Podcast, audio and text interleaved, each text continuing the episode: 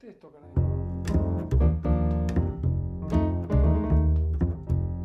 兔熊是怎么相识，然后他们是怎么嗯长达这个十年的感情？我是一个自我保护力特别强的人，我认为咱们两个在一起肯定是彼此喜欢的。既然彼此喜欢，你就不应该会做一些主动伤害我的事情。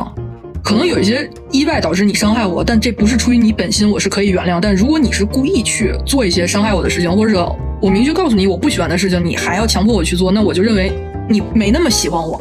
可是这个时候我就会有自我保护机制就弹出来了。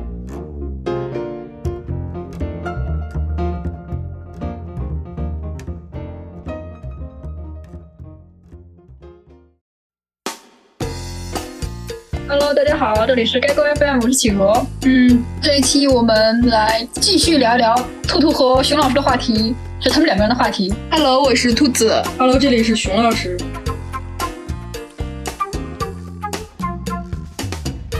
这是什么？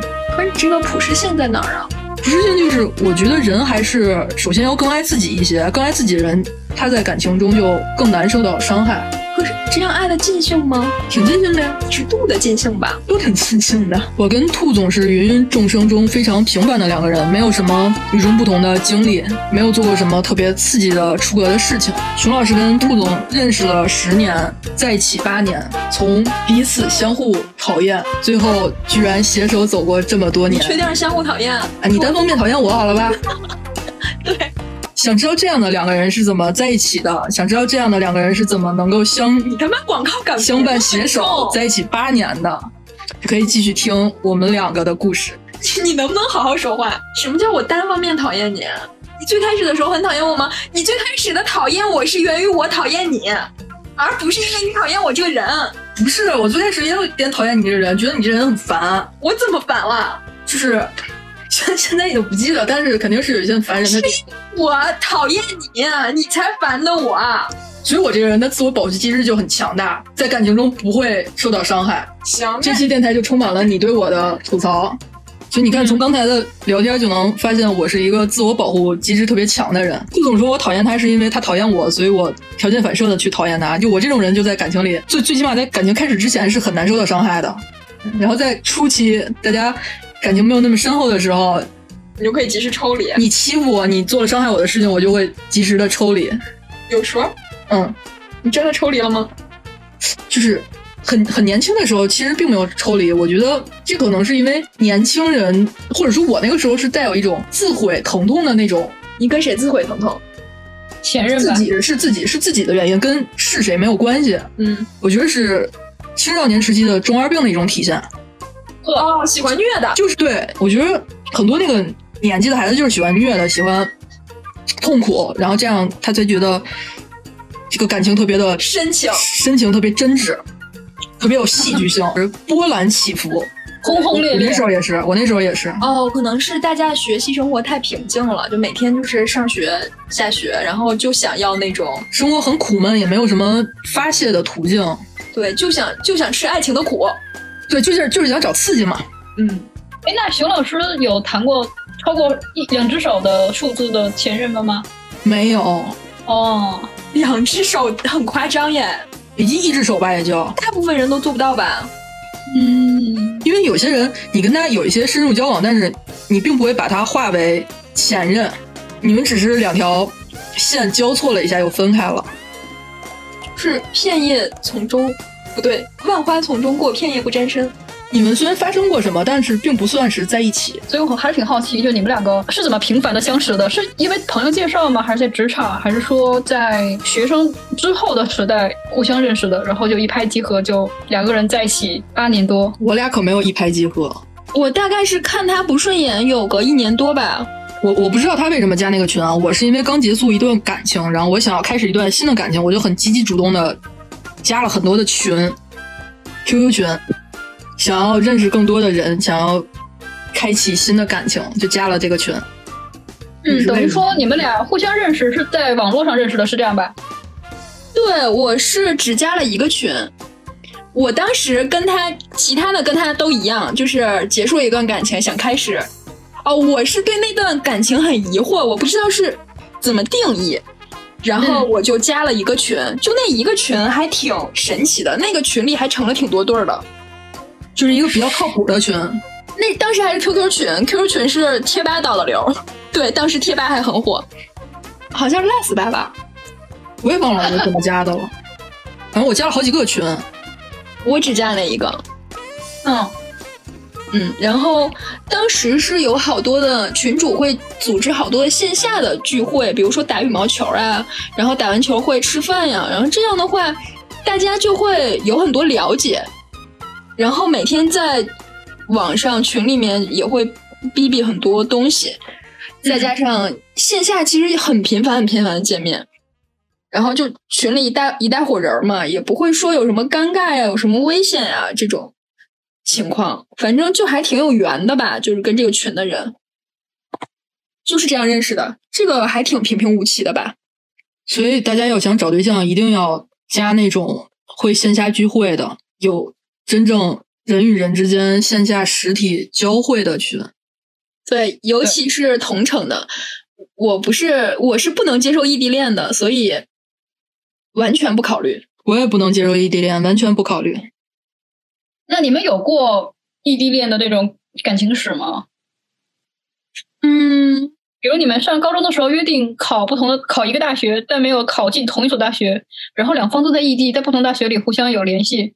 有过，嗯，我没考上啊，我，嗯、当时的那个应该算是初恋吧，他考的是北京，然后我没考上，对，就北京北京还是挺难考的，他当时也是超常发挥了，然后就就分手了吗？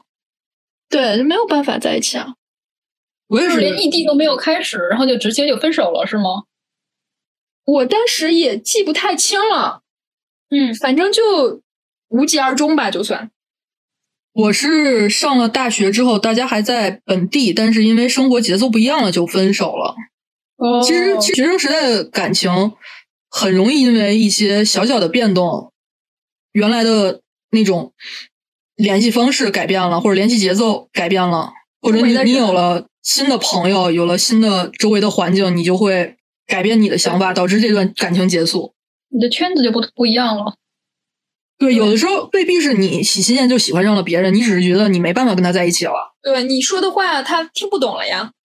对对对，理解。嗯，然后等于说你们在那个共同的群里线上约了聚会，然后线下又见面，然后发现见面几次，呃，兔群好像看对眼了，是吗？ 没有，完全没有。我觉得是这样的， 那个群经常会组织聚会，一个礼拜可能有个至少一次。对，有的时候兴致起来，可能当天下午就约个吃饭什么的。我记得那个时候我俩工作都特忙，老加班那种。然后我俩第一次见面时，我们两个单独约了个局，不是群里的那种大聚会。我想象不出长发又胖又油腻的样子耶，韩韩红，没那么胖，没那么胖。 不要脸。 没有没有，那倒不至于。后来我们就是经常参加群里的聚会活动，一起打个球啊，吃个饭，然后在群里每天晚上都聊天，聊好久好久，大家一起聊，很多群友一起聊，不是说我们俩单聊，我们俩从好像没有单聊过吧？肯定不会跟你单聊的。你你听到了吗？他怎么说？他说肯定不会跟我单聊的。你看这个语气就是浓浓的嫌弃。嫌弃。哎，那兔总是很漂亮一个女孩吗？对不起，我没有见过兔总。我这么说吧，在我们两个共同认识的人里边，我知道喜欢他的有三个，啊，你们是爆过照片吗？这群里这转化率也太高了吧！我们线下聚会的呀，我们线哦下呀，啊就是就你能见到真人。哦 讨厌，期待那个群了。那群还在吗？请拉我进去。 肯定不在了，就是撕逼这都撕了这这这多少年过？过去了，他不喜欢我，他在群里有一个喜欢的姐姐，嗯，那这你自己说嘛？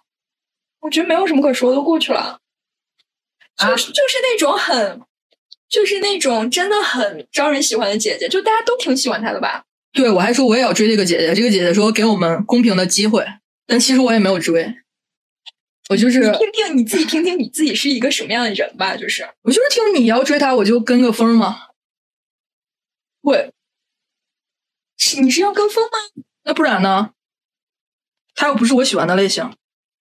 反正就是那个姐姐说，嗯孤，当父母，不是那个姐姐，那姐姐对我其实还挺好的，对，那个姐姐还挺喜欢他的吧，觉得他是小朋友， 就是说可惜、哦可惜我是个通讯录，还好吧。她是她就是这样原话还说可惜我是个通讯录，反正就是群里有四个喜欢他的，然后有一个他喜欢的，嗯，这这五条支线全都没成。这个时候时间已经过去了一年多，哇，然后我就剪了短发，又减了肥，呃，没有刻意减肥，但是可能瘦了一些，也可能跟换了发型有关。的确瘦了，嗯，能看了，是用他话说就是能看了这个人，然后能能能说很细节吗？比如我觉得我们两个的关系转变，就他对我的态度转变，是因为他生病了，是不是那次你对我印象有所转变？嗯，这人还能处，后来才知道他学医的，知道肺肺炎不传染，这属于是嗯，常识，常识打败没有常识。哎，你为什么就对我转变了？你聊聊，我现在也不是特别。就很好干部啊，然后呢，然后挺会照顾人。就因为那次你生病，我给你夹菜吗？我忘了是那次还是为什么得出来这个结论，反正我感觉有被照顾到。就是觉得我这个人还可以相处，比较靠谱。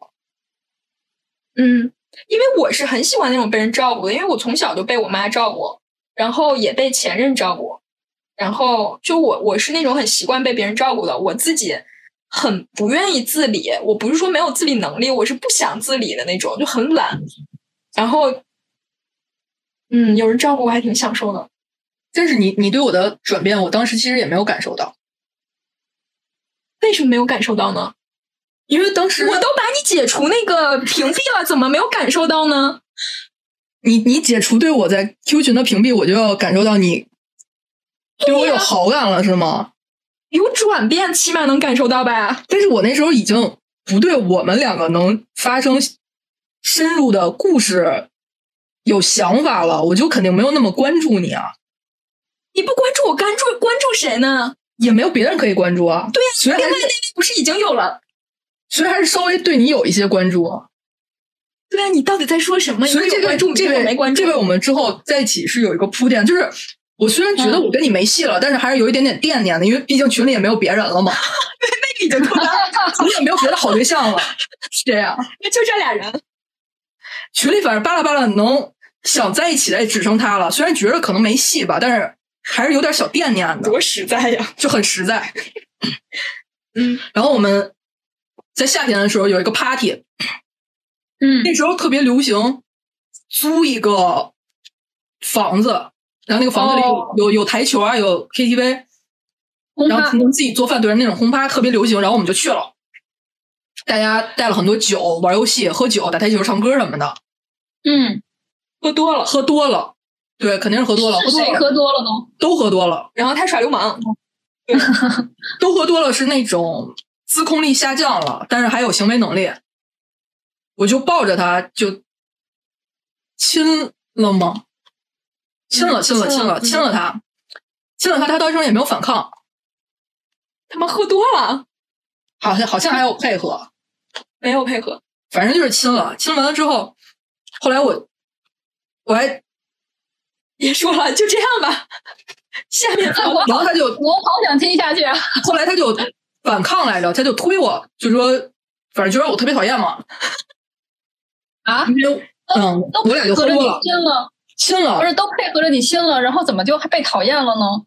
亲了之后，他又推开我，再然后因为喝多了，我俩就睡着了。你们俩睡着了，划重点。很多你人们俩，嗯很多人，哦，因为他好的那个轰趴是铺的地毯，我们就在客是厅那里边种，是那种本来就可以坐在地上玩游戏，就是那种泡嗯泡板吧，应该算。我们就躺在那个地上就睡着了。嗯第二天醒了之后，也没有发生质的改变，就各自回家了。嗯，直到五二零那天，群里有别人，呃，五二零前两天，群里有别人嗯说要给他送礼物，要买了礼物送他，他不要，好、像是这样吗？我忘了，我也我也记不太清楚了，反正就是五二零啊，礼物什么什么的。然后我就小声说：“那我也我也我也给你送个礼物吧。”是吧？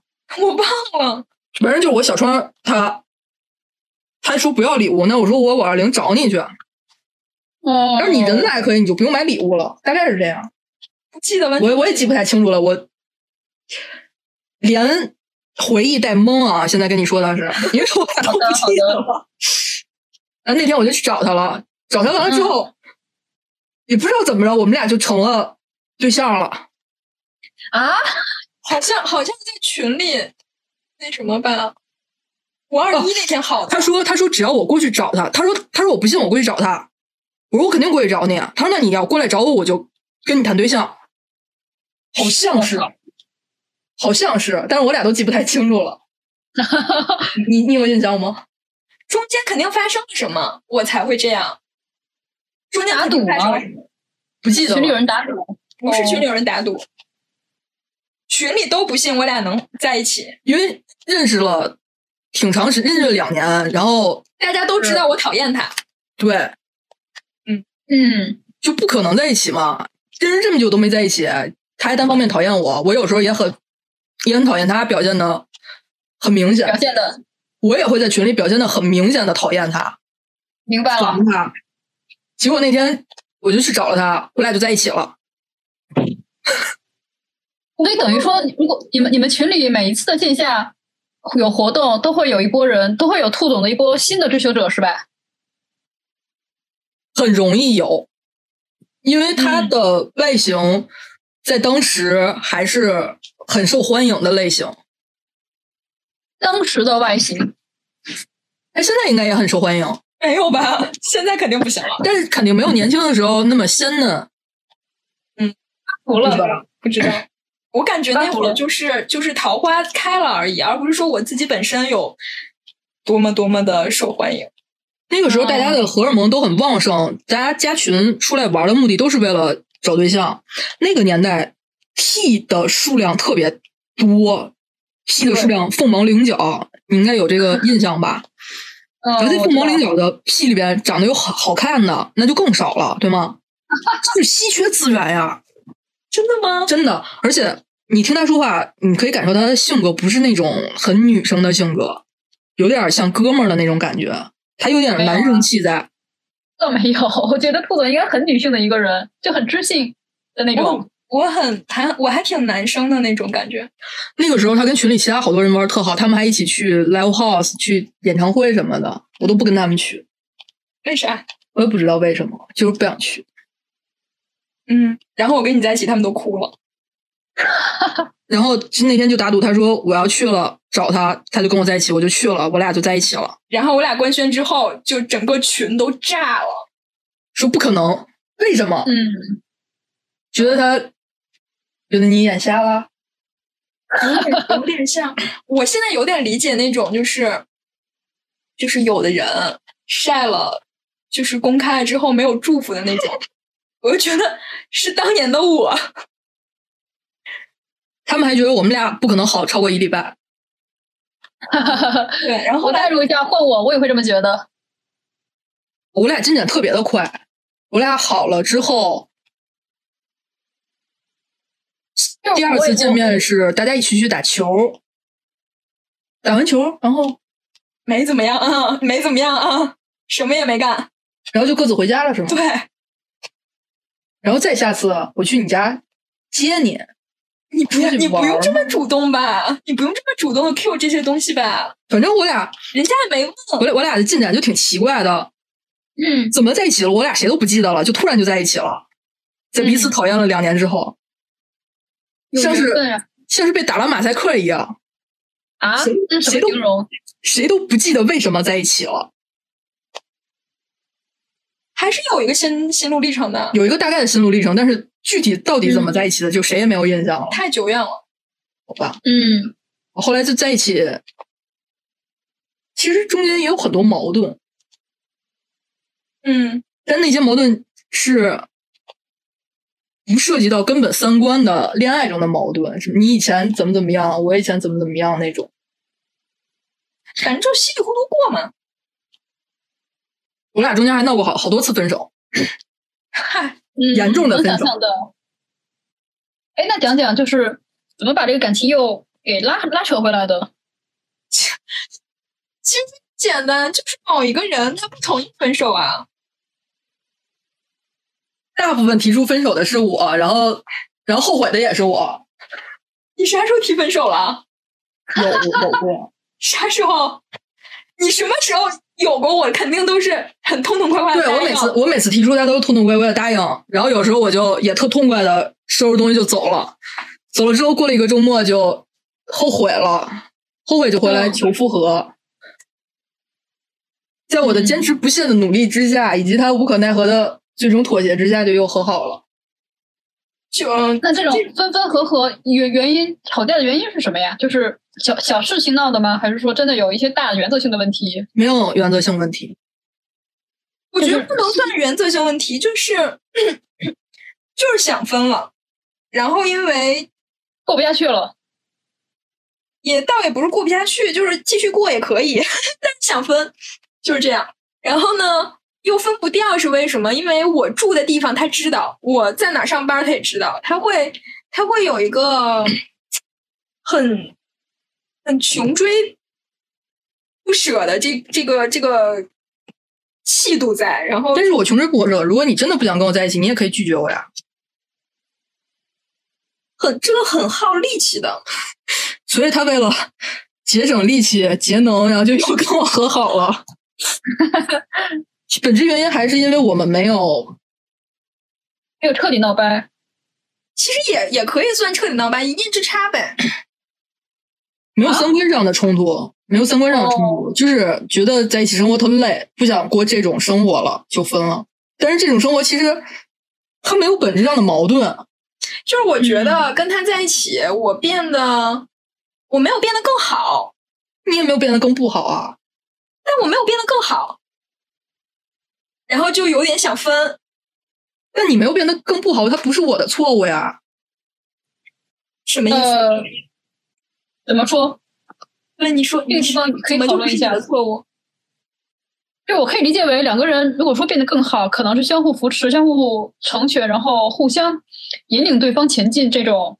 那如果说没有变得最好，可能两个人就比较安于现状，没有什么追求，是这样吗？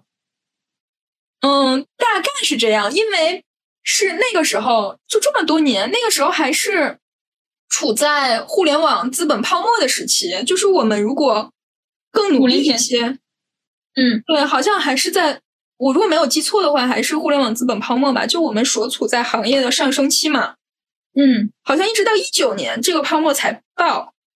就是如果我们如果不安于现状，就可能会有一个提升。但现在看来的话，也未必好。就比如说，可能我去了互联网金融，或者说是去了互联网教育，嗯，就类似于这种的话，它也未必是一个好的选择。虽然那个时候如日中天，嗯，就懂大概是这么个意思。后来就是，其实折腾到现在，我有点躺平了。就这，首先跟这个大环境有关，然后是跟我的年龄有关系。你就是你们我现在行业是夕阳产业吗？我们现在行业，天网它不能说是夕阳，但是它肯定是走下坡路了嘛，因为它的顶点已经到来了，就是哦，它不是在一九年到来了吗？那它它只有下坡路可以走，对吧？整个大环境的增速摆在这里呢，就是说，嗯嗯不光这个行业，就整个国家的这个，这可以说吗？可以，整个我们所处在这个社会的增速都在下降，所以这两年躺平，再加上疫情，就躺平的很心安理得了，就不会再因为这件事情，就很早很早就不会因为这件事情去考虑分手，就就是我不我不再纠结我有没有变得更好，我们只要不变得更差，就已经胜过很多人了。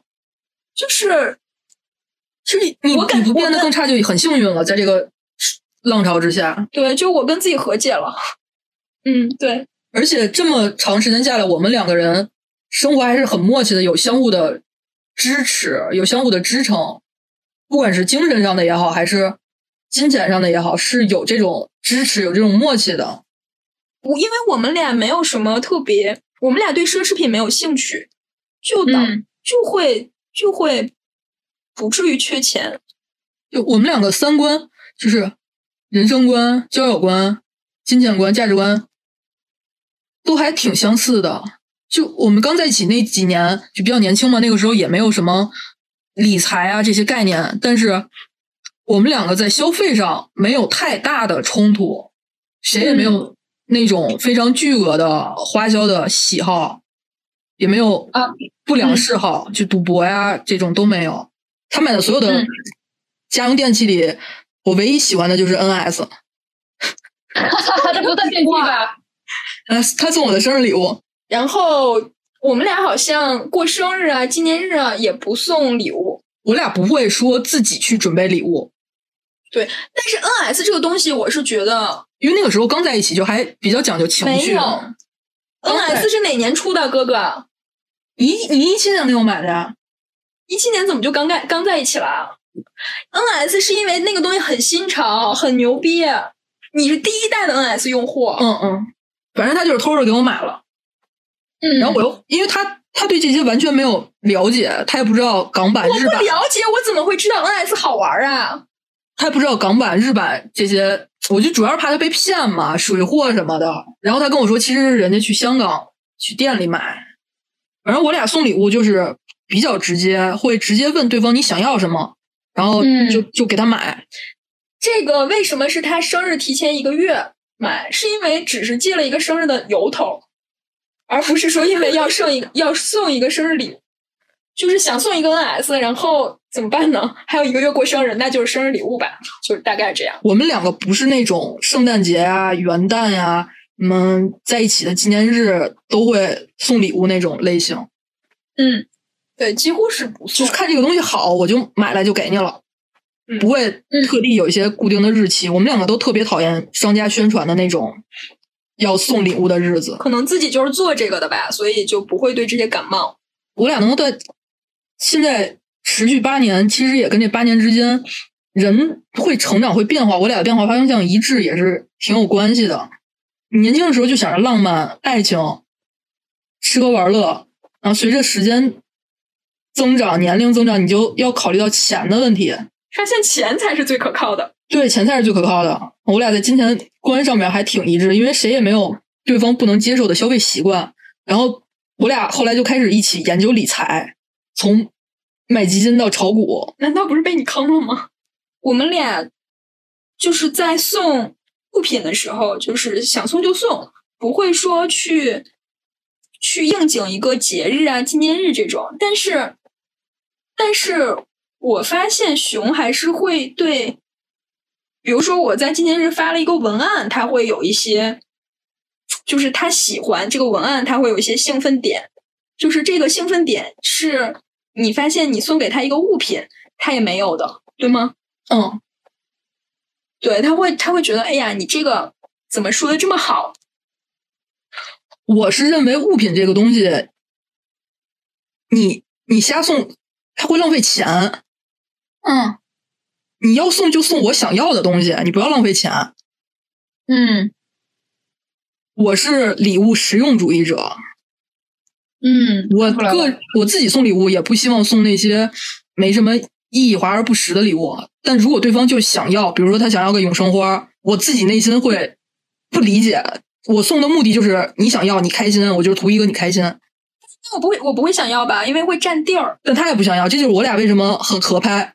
送礼物啊，还想讲一下，我觉得对方其中一方是对那种浪漫，不是物质，是对浪漫有抱有过高期待的，就是很多男女交往中，很多女的就觉得这个男的他送我必须是我喜欢的东西，你如果送的是我不喜欢的东西，是因为你不够了解我，你就不爱我。呃，这不止男女，女女也会有这种现象。我觉得这种想法挺不成熟的，在感情中，啥？哎，你日你我日我常觉得你可以展开说说。你日常说你喜欢的东西，最后送你，你也未必真的很开心，啊因为想法都是会改变的。你这个阐述的，你真的喜欢，你真的喜欢的东西，你就直说让他送你啊。就特别喜欢浪漫、喜欢惊喜的人，我觉得哪儿那么好，你的对象就猜的这么准，每次都能给你浪漫、给你惊喜呢？太难了吧？可以堆量啊。你不能拿别人，就是比如说别人可能刚相处一年，你就要拿咱们俩在一起八年的这种去看待，你这样也是在误导别人。你不是所有的关系都要这样直接说的。就是你你认为刚相处的时候，还是需要有一些猜对方喜欢什么，相互送的那种比较我浪漫的我送不礼。认为，我不认为哪对儿都能直接说出来。但是我觉得总要猜来猜去，如果对方没猜准，就认为对方不了解自己是不喜欢自己，这种人很难长久相处。我觉得这这个问题是这样，就是这个世界上总有一些东西是几乎所有人喜欢的，呃，比如，人民币， 或者是这种，可是可是很浪漫的人，你送他钱，他会觉得你不用心啊。或者是一些硬通货呀。金条，对啊，你看你的想法其实是很实际的啊，你有没有发现啊？喜欢浪漫的女孩子收到现金和金条，一定不会觉得这个礼物是很用心的礼物。太我操了，简直！但是但是我会喜欢这个礼物啊。有病啊！你们俩真的太他妈配了！我操！要是真的有人送我金条，我就我这是什么财大气粗的女朋友、啊？金条，你发现没有，兔总没发现自己其实送礼物上是个实用主义者。他说我是个实用主义者，但他他觉得自己是一个偏向于浪漫主义者。但你看他说，世界上有一些礼物是大家共通会喜欢的，比如说现金，比如说金条。其实他也是一个实用主义的送礼者。我认识一个男生，他给他女朋友送礼物就特别有心，送的永远是他女朋友能用到或者很喜欢的东西。他是非常少见的那种有点女权性质的男生。那还不错，就很很珍惜的那种，很稀少的那种男生，很用心，很很了解他女朋友，也愿意用心去做这种小惊喜。嗯，这个蛮少见的，很要珍惜这样的稀有品。非常少见。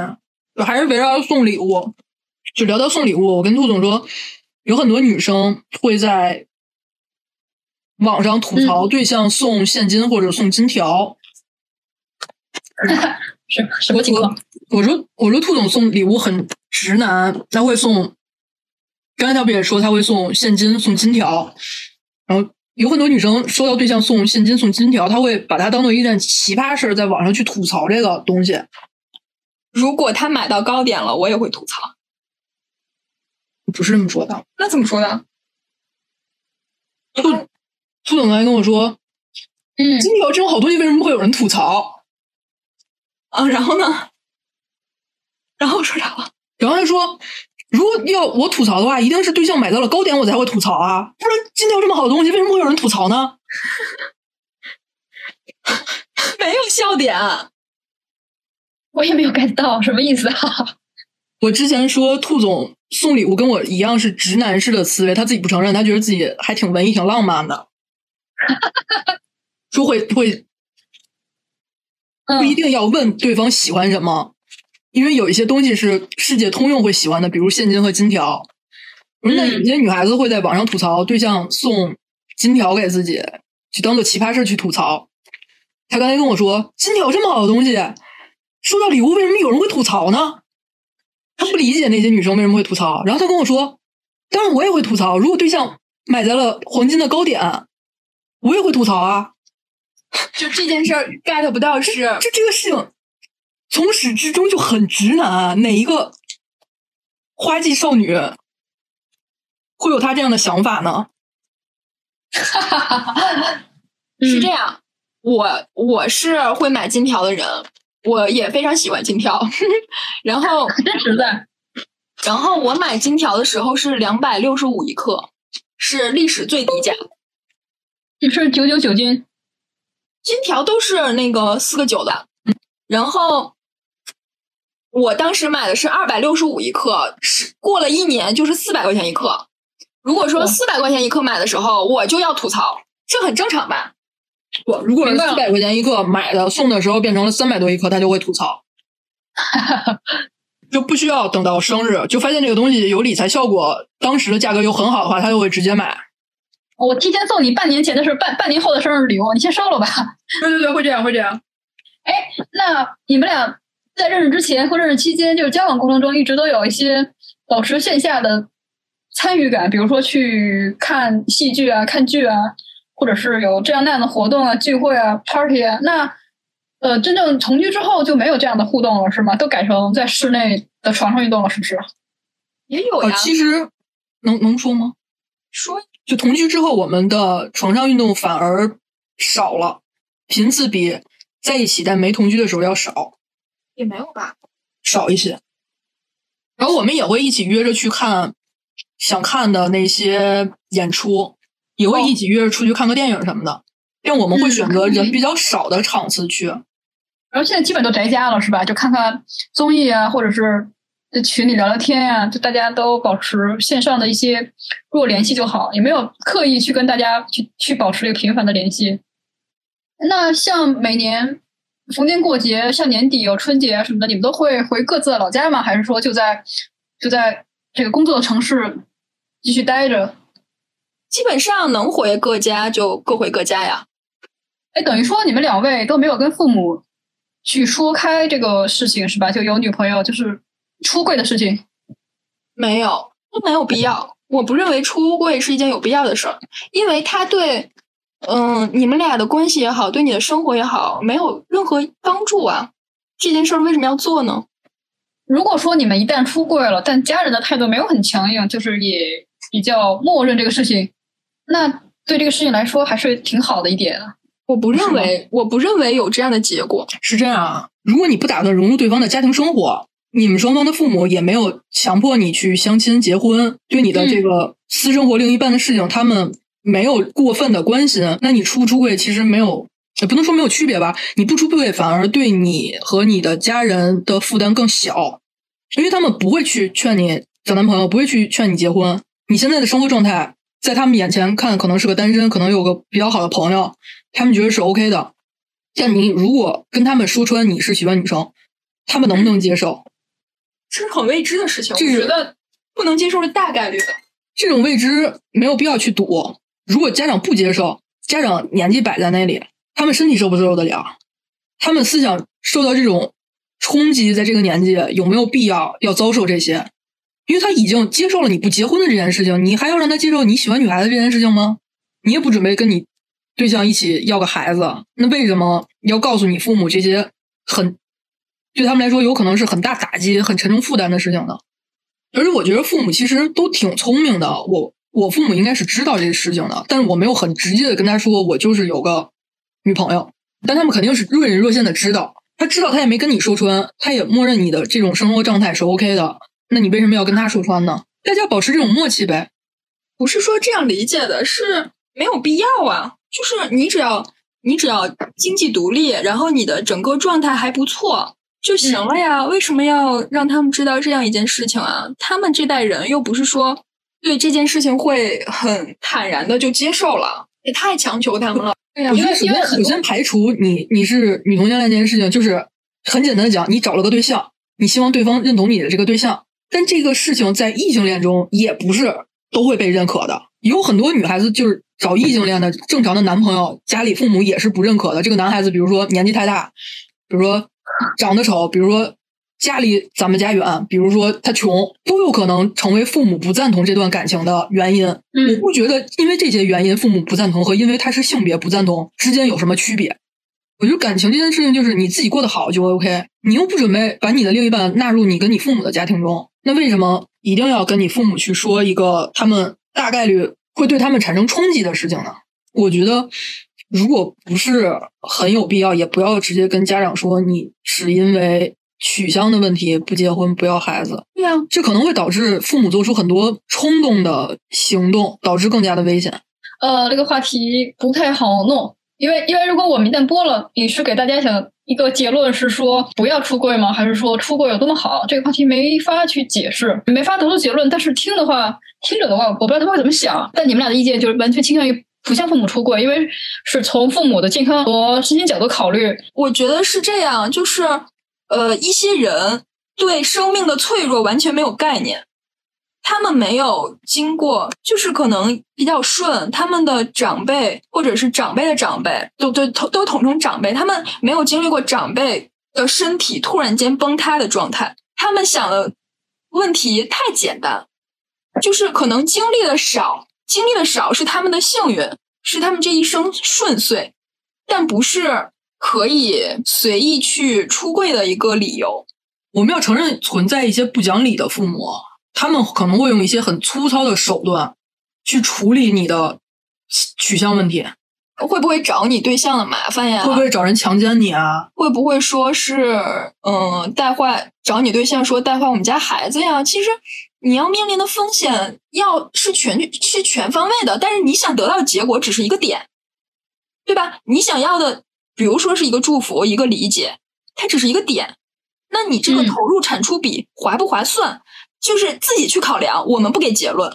出不出其实因人而异，每个人的家庭情况都不一样。就是出柜这件事情其实是很复杂的，不同的人、不同的家庭会有不同的选择。因为我自己的观点是跟你们不太相同，就是我是持建议出柜那一方吧，因为就是出于大环境，就是还是希望这个社会能够对同性恋更多的包容和支持，所以对，所以我呼吁大家，如果说有这种现象的话，就不能说。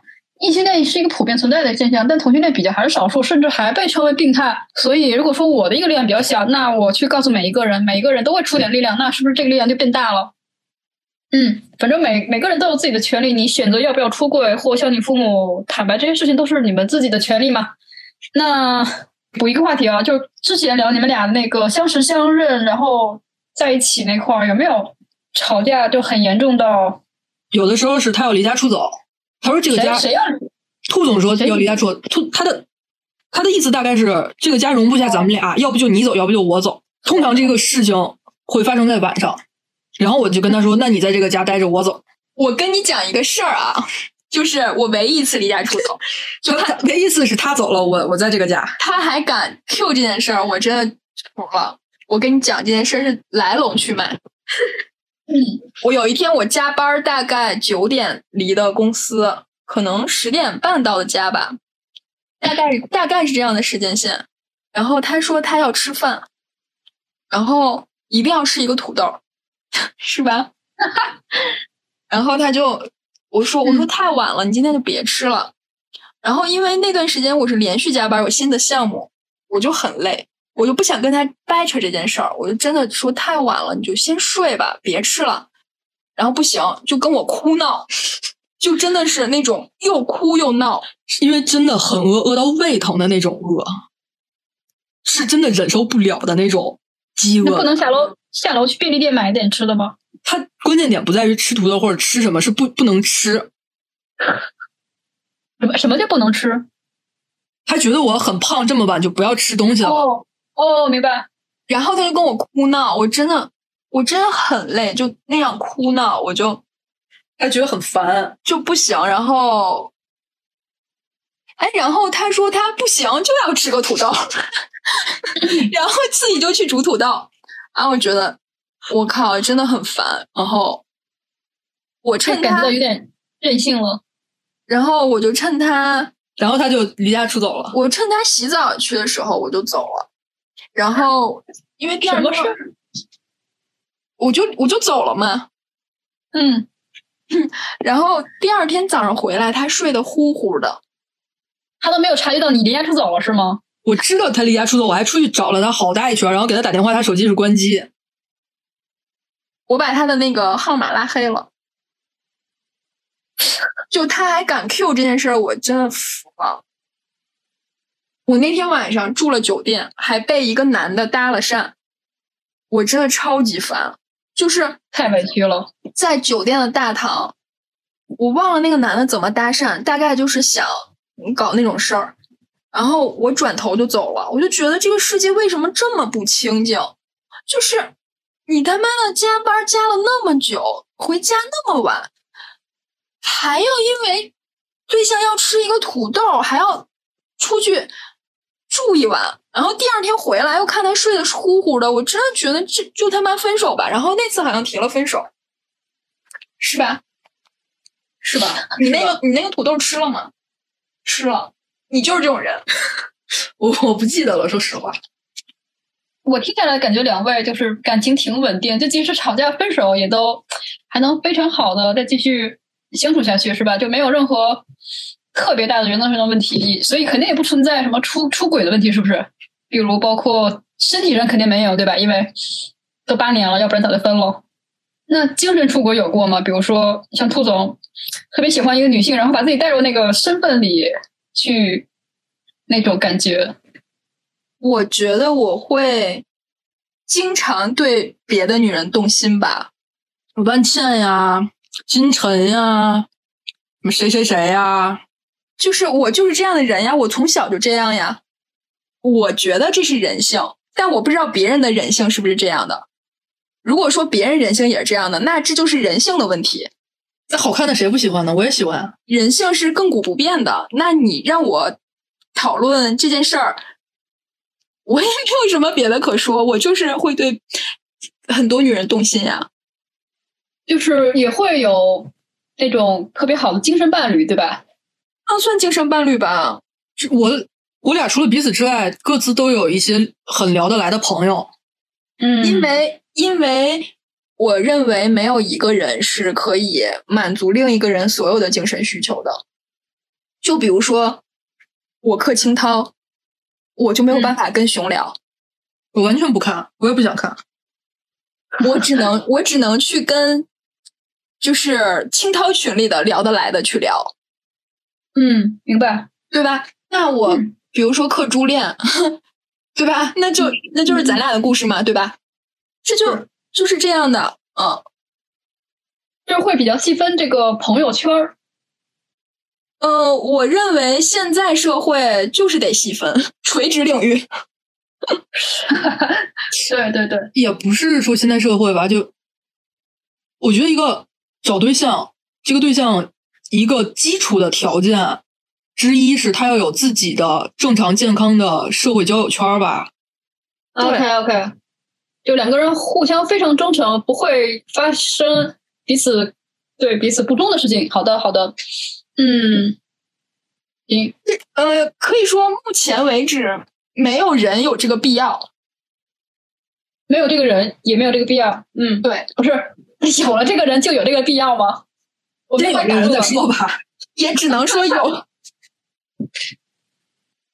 嗯，我是觉得严谨一点的说法就是，目前没有这个人有这个必要。嗯，对。那如果说网友单纯约线下见面，那可以喊上一波人一起去啊，或者是叫上你一起去，这样就行了。我不会，我不会答应任何的，就是约局。嗯，我几感受年之到了内 但是那谁那次来咱们去了，没那个不是约的，哦，巧合。对，那个就是在外面，没有就没有约过。嗯就是近几年我没有约过局，可以这么说。嗯没有约局去见没见过的新朋友，老朋友也没约上嘛，不是因为疫情嘛？啊，我上次见还是去年前年，反正今年没有。对啊呀、嗯，哎，那你们平时都宅在家里都做些什么呀？有没有？嗯，除了两个人的共同空间，有没有有没有其他的爱好？比如说养些宠物、种植一些绿植啊这样的。有我种了花儿，我种了花儿完了之后，他特别讨厌，嫌我占地儿，不允许我养太多，要求我只能养这么多，有一个小限制。你自己看你已经养了多少了？是养了多肉吗？对，养的多肉，因为长得慢，占地儿小。虽然他很讨厌我养的这些，嗯但是养的好看的他会自己拍照发朋 友圈，对，现其实实他他养养的去去发。他真挺好看的。然后这一堆十二卷里边有一个是我们刚在一起的时候，我去自己逛花艺市场、啊有一天，嗯，然后买来的。逛逛花艺市场之后，我有给他拍照聊天儿，他说就挺喜欢这个的，我就买了。买了之后我就说那我送给你，后来就变成我养，然后从非常小的多小呢，大概三厘米那么大，长到现在直径十厘米，还生了好多小崽儿，好大一盆，还他还他还它还分出了好多好多的植株，对，到现在八年了，已经有好多后代了。嗯。嗯，那个时候，嗯，网红猫挺多的，有一个加菲就特别可爱，他那时候就看上加菲了，在闲鱼上面正好遇到了一个挺可爱的小加菲，大眼妹儿，是个大眼睛的小猫猫，看着还挺小的，三四个月的样子。然后就说：“那咱们把它给买回来吧。”大家一个周末就去把它给买了。就现在我俩养的这个猫，五岁了吧，不止吧？五六岁。嗯，啊，这个猫我们看它还挺活泛的，不像是有病的样子，啊，又挺可爱的，我们就给买回来了。买回家之后，就带它上医院体检呀、打针。啊，大夫说嗯它耳朵里全是耳螨，堵满了。哇，我们俩就给它上药，它特别不老实，因为上药很难受嘛，整个耳朵都堵满了耳道，满到什么地对对步？对就你给它上完药之后，它在箱子里一甩纸箱子 里是甩甩耳朵，会甩出大片大片的那种泥，你知道吗？哦，我能想象到，黑泥大片大片的。那时候每天给它上药，它又不老实，我俩都是新手，就要嗯，摁住它上药，它又挣扎，我俩就因为上药这个事儿还天天吵架。那时候也不是吧？吵买了得什么挺厉害破猫的，我那阵儿熬过去不会说买的什么破猫，我们会说我弄不了它，得你给它上药。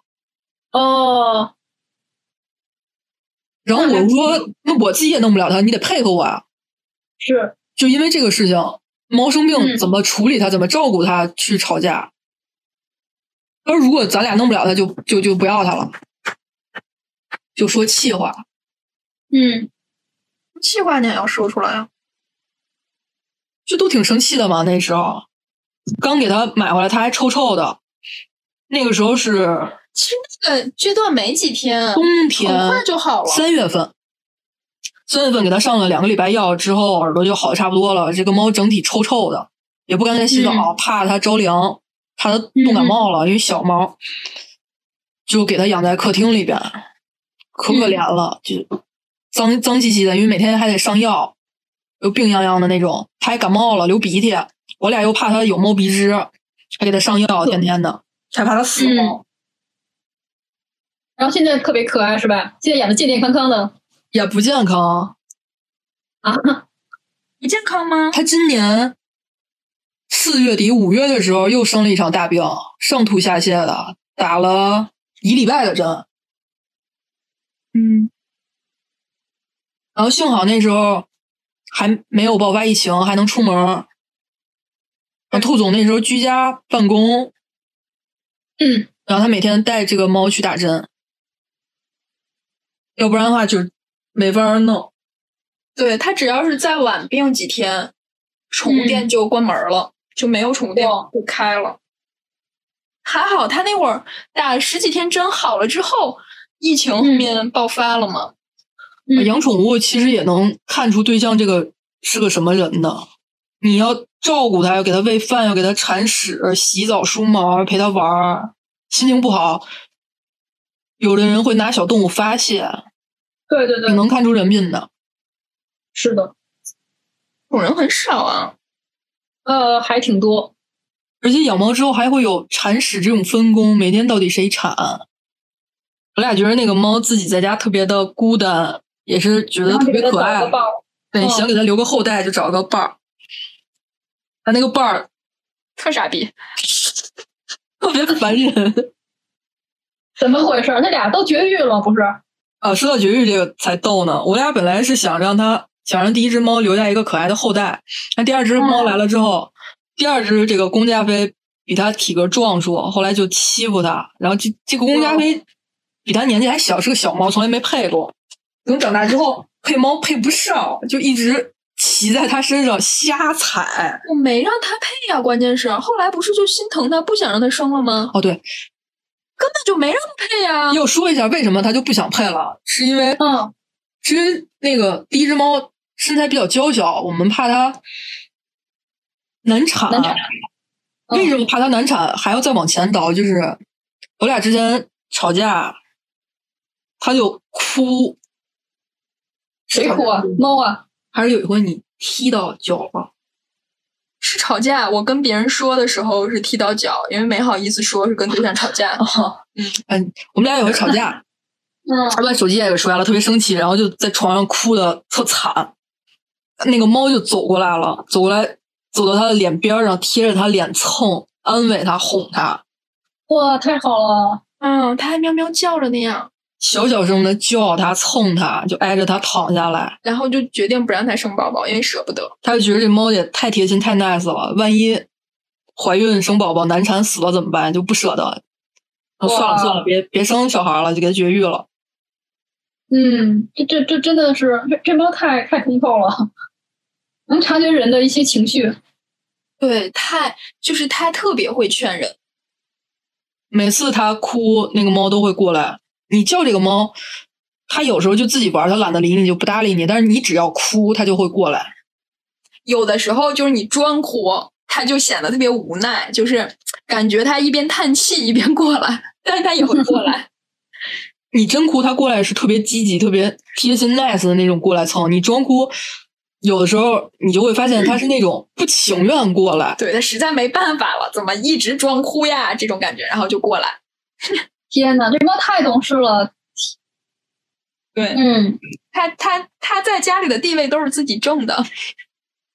第二个买嗯嗯第二个买的那个公猫，它那时候、因为发情期是不可以做绝育手术的，就是熬过了它俩的发情期。那个时候它经常骑第一只小母猫，我俩就挺生气的，有时候还教育它、打它，这样让它不对让它不要这样干。我那时候也挺讨厌它的，因为它俩有时候会打架，它比那个小猫身强体壮，会打那个小猫。但其实每次都是小母猫先欠招的，它从小母猫哦才路过，小母猫咬它，咬它脚，咬了完解之后它又打不过人家。而且嗯，公公猫吃饭，这个小母猫就会过去把公猫挤开，不让公猫吃饭。到现在也是，但公猫不会因为不让吃饭这件事情打它，有时候就惹急了就会打它。我俩那时候就觉得这个这个公猫特别不爱干净，它也不自己舔毛，它也有这些肠胃问题，有时候会拉肚子，粘在屁股上，就就可讨厌它，可烦它了。绝育之后就好了。而且你一吃什么东西，它就会过来找你要这个东西吃，啊你喵喵叫，特别烦人。馋呀，到家之后，当第二天允许他进卧室，夜里就要上卧室床上睡觉，踢都从床上踢不下去。加菲猫的性格特好，特别粘主人是吧？对，加菲特别粘人，就那种他也没洗澡，然后他又睡在床上，你踢都踢不下去，他会粘在床上。长在床上了，就不拿自己当外人儿。对对，不拿自己当外人儿。你你给他扔下去好多次，他趁你不注意都要上来睡觉。嗯，然后趁它他不发情的期间，然后带它去做了绝育是吗？对做了绝育手术，主要是为什么那个耽误时间，是因为要把所有的疫苗打完，人家才给做手术。这疫苗是有周期的嘛？嗯，好像隔两个礼拜还是一个礼拜，十天，忘了他反正打完三针就一个月就过去了。公猫绝育之后，它就整个猫变得也爱干净了，经常清理自己。嗯，然后我们就逐渐的接受了它，觉得它还挺可爱的。因为一叫它的名字，它就会特别高兴的跑过来蹭你。但是那只小小母猫，你叫它，它就不理你。嗯，小母猫没有做绝育是吗？嗯也做绝育了，都做了，一天做了，一天俩病号。啊其实买这个猫，我是有一点小小心思的。有，那个时候它特别粘人，你就粘到什么地步呢？你你嗯你在家就要跟它在一块儿，陪它玩游戏啊，陪它看剧啊，或者干什你么说？的？说的是我，对，兔总你现在没说，兔总没跟人家说清楚。要陪兔总，不能有自己的生活，不能有自己的娱乐。你说猫吗？兔兔总，我说人家没听懂吧？我买第一只小猫的时候是有自己的私心的，那个时候兔总所有的闲暇时间都要跟我粘在一起，哦哦，抱在一起，粘在一起。我说这不行啊，这我有自己的兴趣爱好啊，我给他买个猫吧，你跟他说嫌弃我吗？就直说呀。转移一下兴趣，对吧？然后呢？然后就买了那只猫，买完之后，买完之后它就吸猫。我有时候觉得它吸猫吸的太过分了，就让它放开那个猫，别这样。然后忽呢？略了你是吗？不是。然后他就会问出一句特别经典的话，我怎么忘了？我你会问我，我是西猫还是西尼？你选一个。你选新猫是吗？ 然后我就说，那我选择你继续吸猫。 他说：“你不是想救这个猫吗？”我说：“可是我买这个猫的原因，不就是为了让它替代我承受你深沉的爱意吗操！什么鬼啊！ 这我是该笑呢，还是该羡慕呢，还是该酸呢？我觉得你俩感情太好了吧！整个大型撒狗粮现场，嗯，没有啊，没有撒狗粮啊，？”没有撒狗粮，就是在说这个猫的事情嘛。没有。我们俩经常被人误会撒狗粮，但其实我们俩就真的是在发自内心的在吐槽，然后就会被别人说成撒狗粮。确实，你们没有意识这个问题，不不是我们，我们是真的在吐槽。他有时候就一定要抱着我，然后我就想去干一些别的事情，想挣脱开，他就不同意。然后我还要挣脱，他就会给我一个选项，那你把猫给我抱来，我总要抱一个，我就会去把猫抱来给他。你为什么不让他抱呢？王老师，我要做自己的事情啊，好吧，这这就是什么呀？这他妈就是不知好歹。等于说猫，呃，等于说这个宠物是你们生活的已经生已已经是你们家庭的一份子了，所以有没有考虑过，嗯，这个猫就是你们的孩子的那种，当当成自己的孩子一样养，还是个宠物。没有没有孩子的感觉。啊，嗯，那如果说有生之年有考虑过想要自己的孩 子吗？没有，就是我之前不是也说了嘛，我看到婴儿出生完全不会感到开心，我会去担忧这个孩子将来要面对 这个社会的纷纷繁复杂，要就是我我我只是有担心，完全没有喜悦。徐老师那边呢？我以前有想过，就应该有一个小孩儿，嗯，是是当当时你跟兔总刚在一起的时候，不是有这跟种想他法吗跟任何人都没关系，我就觉得是应该有一个小孩儿的。我觉得应该有小孩儿这个想法跟兔总没有关系，哦，是我自己的想法，就是不管是跟他在一起还是跟谁在一起或者怎么样，主要是我会想到，如果我没有一个小孩儿，我到老了之后，我自己死在家里都没有人知道。 但是有点久远。但是想想，很多老年人他有孩子、有孙子辈儿的，他也是自己一个人就在家里没有了，也没有人知道，有什么区别呢？其这个就是命运的事情，你自己操心这么多也没有用。其实这就说起，这就涉及到生死的问题了。我觉得生死其实就一句话，就是生死都是运气。你运气好了，你没有孩子，也有人给你收尸；运气不好，养十个八个的，照样有可能孤独终老，对吧？都是运气，就这的事情交给天就好了。你自己为了就是死的那一刻去承受这种生儿育女的这种劳苦，我觉得投入产出比不高。我后来也是这么觉得，因为我并不是喜欢小孩儿，所以想要小孩儿。我是觉得，如果你没有一个小孩儿，你到老年自己一个人孤独的死亡，特别的凄惨。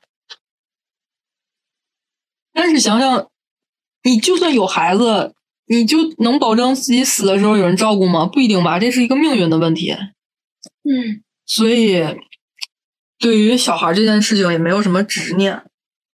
嗯，那那你们会对父母该怎么问？不知道你要问什么呀？孝敬父母这块儿，你问的具体点儿啊？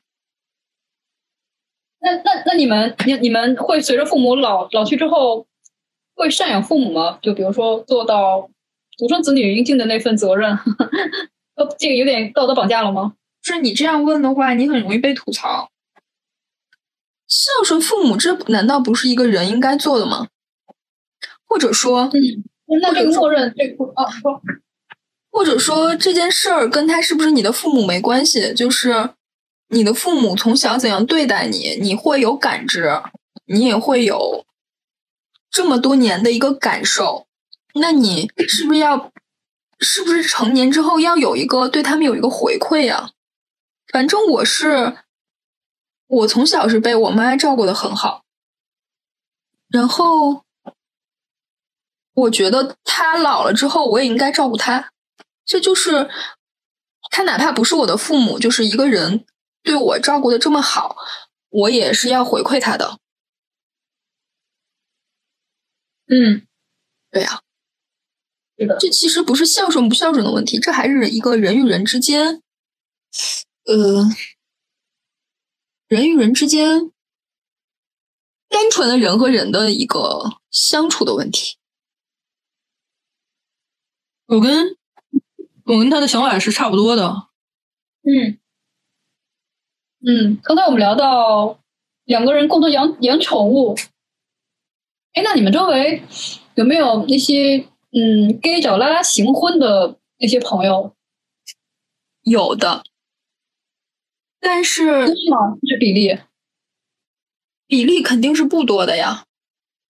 反正我遇到的应该是找同性伴侣比较多，因为行婚它其实是一件比较麻烦的事，尤其是对女方来说，因为要承担的东西更多，风险很高，就还是 投入产出比的问题，又又是这个问题。嗯，所以你得你们到有的是你先说。哦你说啊，我想问，就是你你们有被男男同志要求过行婚吗？有啊，嗯，有被这样请求过？我有 gay 的朋友，他们两个男生的关系也很稳定，嗯然后跟我关系也还挺好的。然后那个时候，我跟兔总在一起，也带兔总认识了他们，然后他也觉得我和兔总关系挺稳定的，就想那我们四个人彼此彼此之间关系都挺稳定的，那不如我们行婚啊，好像有道理。因为大家然后呢？男生和男生的关系很稳定，女生和女生的关系也很稳定，然后我们男女生之间又是朋友，彼此是相对来说有一些知根知底儿的，这样去行婚的话，风险会小很多。嗯，那我跟夏总没有这个需求啊，我们不需要去行婚有一张结婚证去跟家里交代啊。如果我们没有这个需求，我为什么要跟你行婚？就是纯为了帮你嘛。可是纯为了帮你，我会背负很大的风险呀、而且在正常的婚姻中，其实女方也是弱势的嘛。那在行婚中，男方对你等于说丁点儿感情都没有，那这个弱势叠加一些其他的问题，你会面临的风险会非常大。比如说，可能会有一些债，无缘无故会背上一些债务，嗯，甚至是会遇到婚内的一些非礼啊之类的一些事情。就是没我我到目前为止没有听没有听说谁是觉得哎行婚很值，这种都是觉得行婚很麻烦，很不值得，很嗯对女性不太利好。对，反正挺感觉挺不好的。是的，就是你最后落脚点都是落在离婚嘛，那这何必呢？所以离婚是结婚是为了离婚吗？我也没懂这个点。你们想说我可以跟他们行婚，但我最终还是要选择离婚的，因为这是一个假的，是吗？我要把这个闭环完成。对，就是很少有人行婚是一一直一起走下去的，因为这个是非常不方便的。嗯嗯嗯反正我认识的行婚的女生，最后的结果都是离婚了，在对方的在双方的父母催要小孩之后就离婚了。所以这个流程走完好像没什么意义，嗯因为连孩子都没生。但是如果生了孩子，女方的付出又太多了，就是所以这就扯到了代孕上。 代孕的话，首先如果没有结婚证，你的这个还是不合法。是啊是，很好的，我也认识是，就是疫情前面那一年，在美国代孕的，但是是挺真的挺好的，但是我还是看到婴儿出生不会感到喜悦的问题，就是你这个孩子要面临直接要面临单亲或者是两个爸爸的这个家庭，对他来说不公平，就是他会觉得从小就跟别的孩子不一样。而且他自己又是个混血，反正可爱是可爱，但是人生路太长了，嗯，嗯我不知道能就是很就是他能负担能负担到这个孩子多大呢？能给这个孩子多少东西呢？这个孩子愿不愿意这样出生呢？就不知道妈妈不知道自己妈妈是谁，就是长大了问爸，爸也说不清楚。 Mulher de mi ilusión, mi amor te consagré. Mi vida la embellece una esperanza azul. Mi vida tiene un cielo que le diste tú. Tuyo es mi corazón, oh sol de mi querer. Tuyo es todo mi ser, tuyo es mujer. Ya todo el corazón te lo entregué. Eres mi fe, eres mi Dios, eres mi amor.